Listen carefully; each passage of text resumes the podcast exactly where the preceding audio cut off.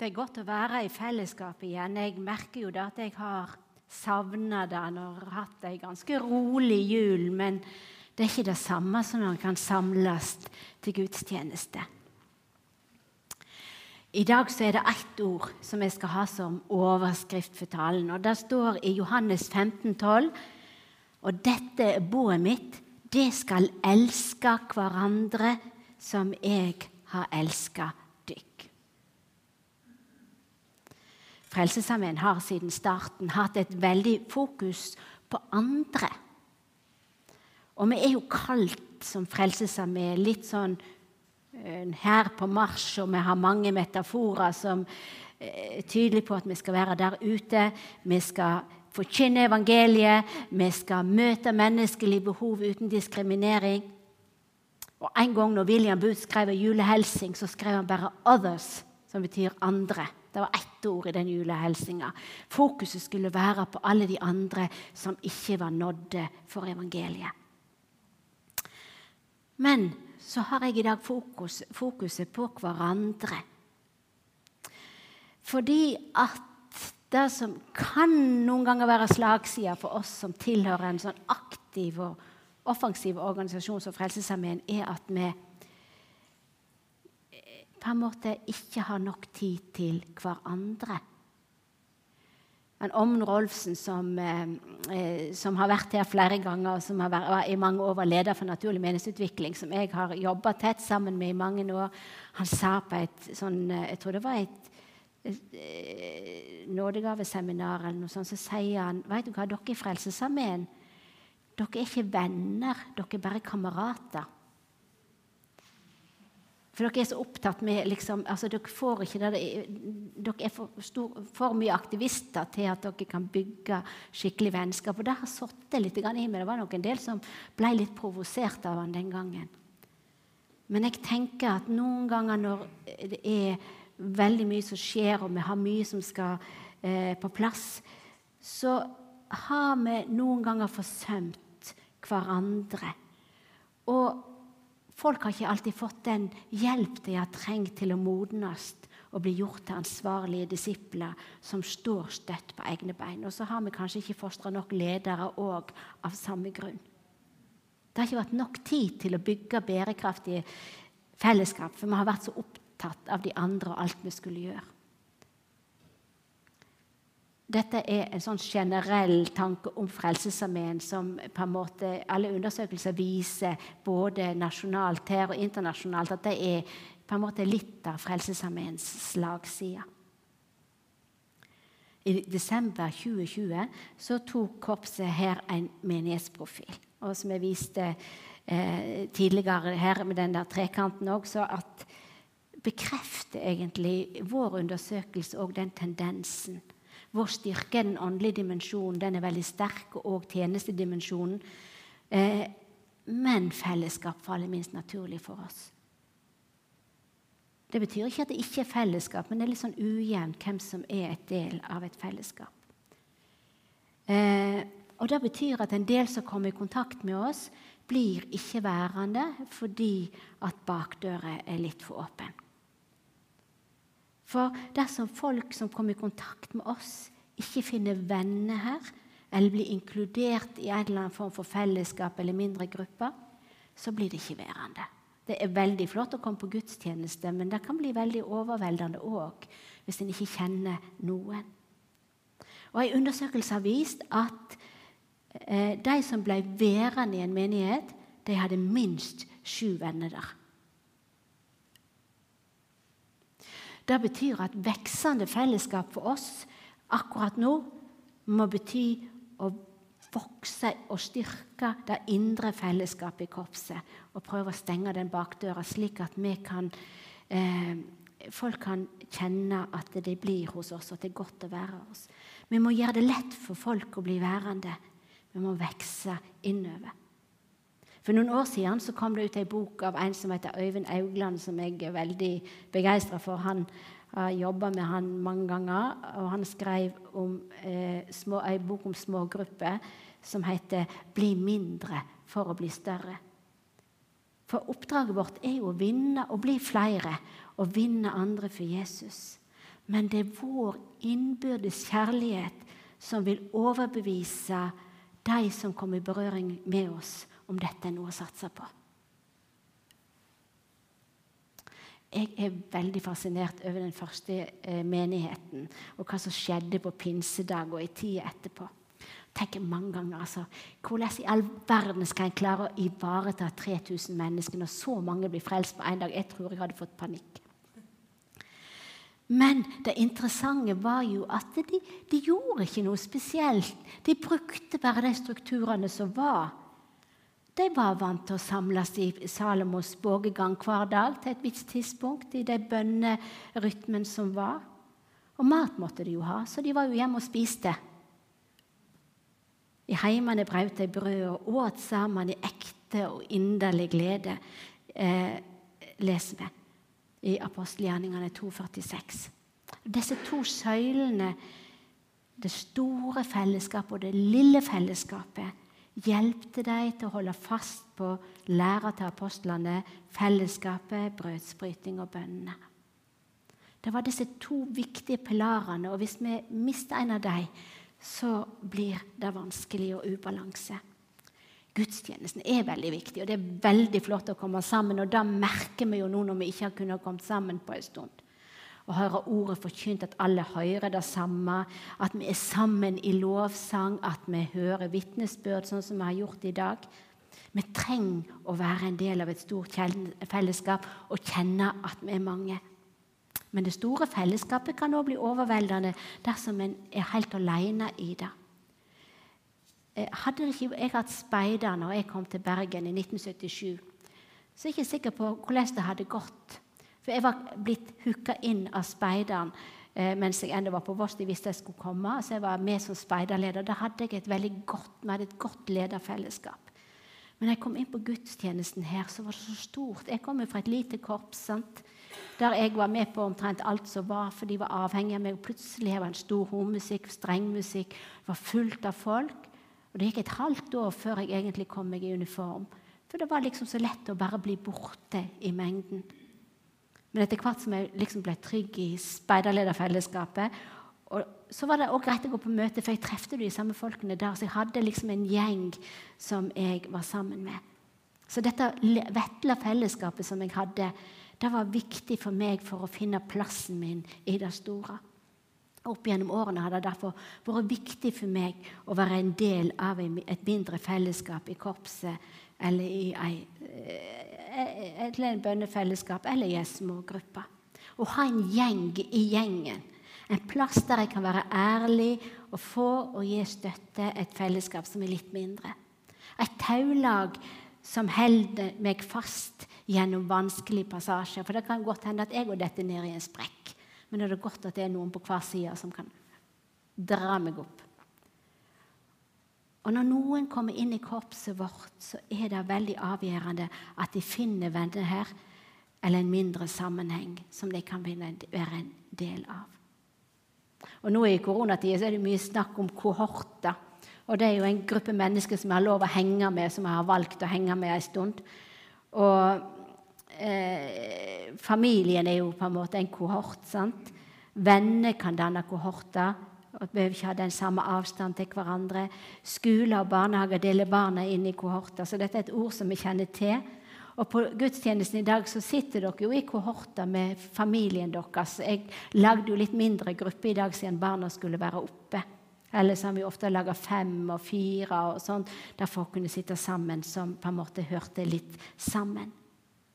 Men så kan det være noen iblant oss som mangler noen å være sammen med, som ikke har en kohort som har få kontakter, og som kjenner seg ensomme i det store fellesskapet. Og så er det lett å tenke at da får offiserene ta seg av, eller da får Ola ta seg av, eller Hilde ta seg av. Det er det de skal gjøre, liksom. Og så sitter vi der. Men jeg tenker at her har vi alle et ansvar for at alle skal kjenne seg inkludert. Og Da kommer jeg til det som òg er veldig viktig, og det er kvaliteten på disse fellesskapene. Kvaliteten på det store fellesskapet, men òg på det vesle fellesskapet.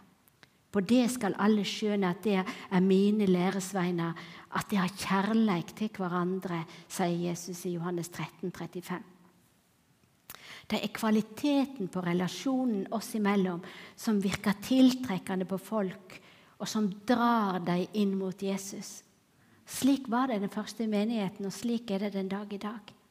Den første menigheten var jo veldig spesiell, for de delte jo alt de hadde. Og det var en enhet og en ekte og inderlig glede og lovsang. Ja, det virka som en magnet som folk, på folk som var rundt. De bare kom og blei med. Og hver dag leser vi 'La Herren til nye', som let seg frelse. Jeg tror ikke De var så opptatt, de var så glad over det livet de hadde fått, og det de hadde sammen, og at de hadde hverandre. Jeg, jeg tror ikke de tenkte på at de evangeliserte en gang. For at det, folk bare kom. For dette må jeg òg ha del i. Og det er en drøm for meg at det samme skal kunne sies om oss i Bergen sentrumkorps. At relasjonene våre skal bli varmere i 2022. At de ulike fellesskapene som er i korpset vårt, skal bli mer livsnære. Og at de som kommer til oss, skal kjenne seg inkludert og utrusta til liv og tjeneste. Vi vil bli et veksende fellesskap som er så sterkt preget av kjærlighet til hverandre at det blir lagt merke til av alle som kommer i berøring med oss. Og så har vi jo mange forskjellige fellesskap i korpset vårt, både formelle og uformelle. Vi har etniske fellesskap, den etiopiske gruppa som f.eks. samles ofte etter gudstjenesten og har et eget fellesskap. Det er en sånn liten kohort eller lite, en gruppe som er litt tettere vi har fellesskap som er bygd rundt en aktivitet, sånn som lederteamet er jo et sånt fellesskap. på en måte. Vi, vi jobber sammen for å, å, lede korpset i lag. Gudstjenesteutvalget er et sånt fellesskap. Bønnefellesskapet på mandagene tror jeg er et veldig sterkt eh, fellesskap. Ikke sant, Gerd? Eh, de er veldig mange. De er nesten litt for mange. fordi det blir så, Når alle skal si noe, så kan jeg tenke meg at det kan bli ja, men det er, de er, fantastisk, for jeg ser de mange ganger oppe i 20 stykker. De har et intenst og godt fellesskap. Så har jo vi lederne eh, vårt bønnemøte på onsdagen. Eh, og så har jo vi eh, et bønnegruppe som Therese leder på lørdagen. Så det er masse sånne små grupper som møtes eh, og har litt sånn forskjellig tematikk. Og mange er med i disse smågruppene som går på tvers av korpsene, eller som er korpsspesifikke. Eh, og så er det noen som er med i hårmusikken og syns det er greit nok. Andre er med på Din kveld og går på sammentreffet. Og noen er med i flere av disse sammenhengene. Og i tillegg til de mer formelle, eh, som er på en måte litt mer definerte, så har vi uformelle fellesskap, folk som treffes inviterer hverandre hjem til seg og er bygd mer på vennskap. Og så møtes den og. Og så er det noen som har et bønnepartnerskap. Det vil jeg si, eh, si er fantastisk. Nå har ikke jeg en bønnepartner her i korpset, men jeg har ei dame som jeg ber med ca. tredjehver uke, og har gjort det i ja, sikkert i ti år snart. Og vi har hatt en, og bært, hun òg i en tilsvarende tjeneste, så vi har båret hverandre eh, i et sånt kollegafellesskap gjennom mange, mange, mange år. Eller noen i en sjelesorgsrelasjon. Det er jo òg en form for fellesskap. Eller i en mentorrelasjon, sånn som Nikolai snakker om. Og så er det sikkert ting som jeg heller ikke har nevnt her. Men det er mange typer fellesskap i dette korpset. Men det som er viktig, det er at dette fellesskapet er bygd på det vesentlige. Og Jeg nevnte Øyvind Augland i stad. Eh, han fortalte om den gangen når han var ung eh, menighetsplanter nede i Kristiansand. og Småbarnsfarende fire unger som kom vel ganske tett. Så møtte han begge. Ble helt utslitt. Og Han satt der ved kjøkkenbordet hjemme. Det var fullt av leker på bordet der. Og han var veldig sliten og visste verken ut eller inn. Så begynte Gud å tale til ham om apostelgjerningene 242. Lekene lå strødd, og da var det en sånn leik, Jeg vet ikke om dere har hatt det til deres unger. En sånn, en sånn stav eller en sånn påle som står opp, og så legger en ned på ringer i forskjellige størrelser, i forskjellige farger. Og så talte Gud til ham hvor viktig det er å la det viktigste komme først. Og at de første kristne konsentrerte seg om læra til apostlene, fellesskapet, brødsbryting og bønnene. Og disse ringene måtte bli tredd nedover pinnen i rett rekkefølge. Og dermed så falt alt på plass for Øyvind. At han skulle konsentrere seg om det viktigste. Og Derfor er det viktig at uansett hva fellesskap vi er en del av, om det er smågrupper eller mentorrelasjon eller et vennskap, at fellesskapene våre er sentrert rundt Guds ord. At vi er forplikta på hverandre. At vi deler liv og måltidfellesskap og ber for hverandre, slik at kjærligheten oss imellom får gode vekstvilkår. For det er da at kvaliteten og kjærligheten mellom oss får vokse. Det er mye omsorg som blir formidlet i korpset vårt alt nå. Men jeg får av og til tilbakemeldinger på at det er spesielt folk som kommer fra andre land, som savner norske venner. Og det kan vi faktisk gjøre noe med. Det er sikkert at det er de norske som må gjøre med det først og fremst. Altså, jeg tenker Her har vi alle sammen et ansvar. Og jeg tenker De første kristne møttes på tempelplassen, og så møttes de heimene. Og vi møtes ofte her på korpset, men møtes vi i heimene våre? Har vi åpna opp der for andre? Og Jeg vil gjerne slå et slag for måltidsfellesskapet. Alle lager vi jo mat. Vi er jo, uten at det ikke vært i live, og noen av oss spiser litt for mye, sånn at eh, kiloene blir litt for mange. Det er en annen ting. Men vi lager oss mat, og vi spiser.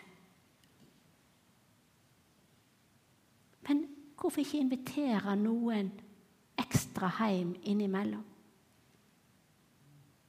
Om en er fra Etiopia, eller om en er fra Bergen, eller fra Voss, eller fra Kongo, eller hvor en er fra Alle har, spiser vi. Det har vi til felles. Og vi kan jo invitere noen hjem. Noen som vi kanskje ikke kjenner så veldig godt. Men kom hjem, ta en kopp kaffe. Eller gå ut og ta en kopp kaffe. Det kan vi jo òg hvis ikke det passer helt. Men det å spise litt sammen, bli, da blir en kjent på en helt annen måte. Det er viktig. Og så vil jeg òg slå et slag for smågruppene, for de har vist seg slitesterke. Og vi har jo som sagt sju grupper, og vi holder på og skal lage flere. Og det er bare å ta kontakt hvis du ønsker å være en del av ei sånn gruppe. Eh, og disse gruppene møtes, Noen møtes bare på korpset, noen møtes av og til på korps, av og til hjemme. Det er litt sånn opp for det er jo ikke alle som kan ha ting hjemme hos seg hvis de har masse unger hjemme og ikke har en plass å være, eller de har en ektefelle som ikke er truende, at ikke det er naturlig. Men dermed fleksible. Men det er noe med å komme sammen, kanskje drikke kaffe sammen, spise litt sammen, dele Guds ord, dele liv med hverandre, be for hverandre. Det er så viktig.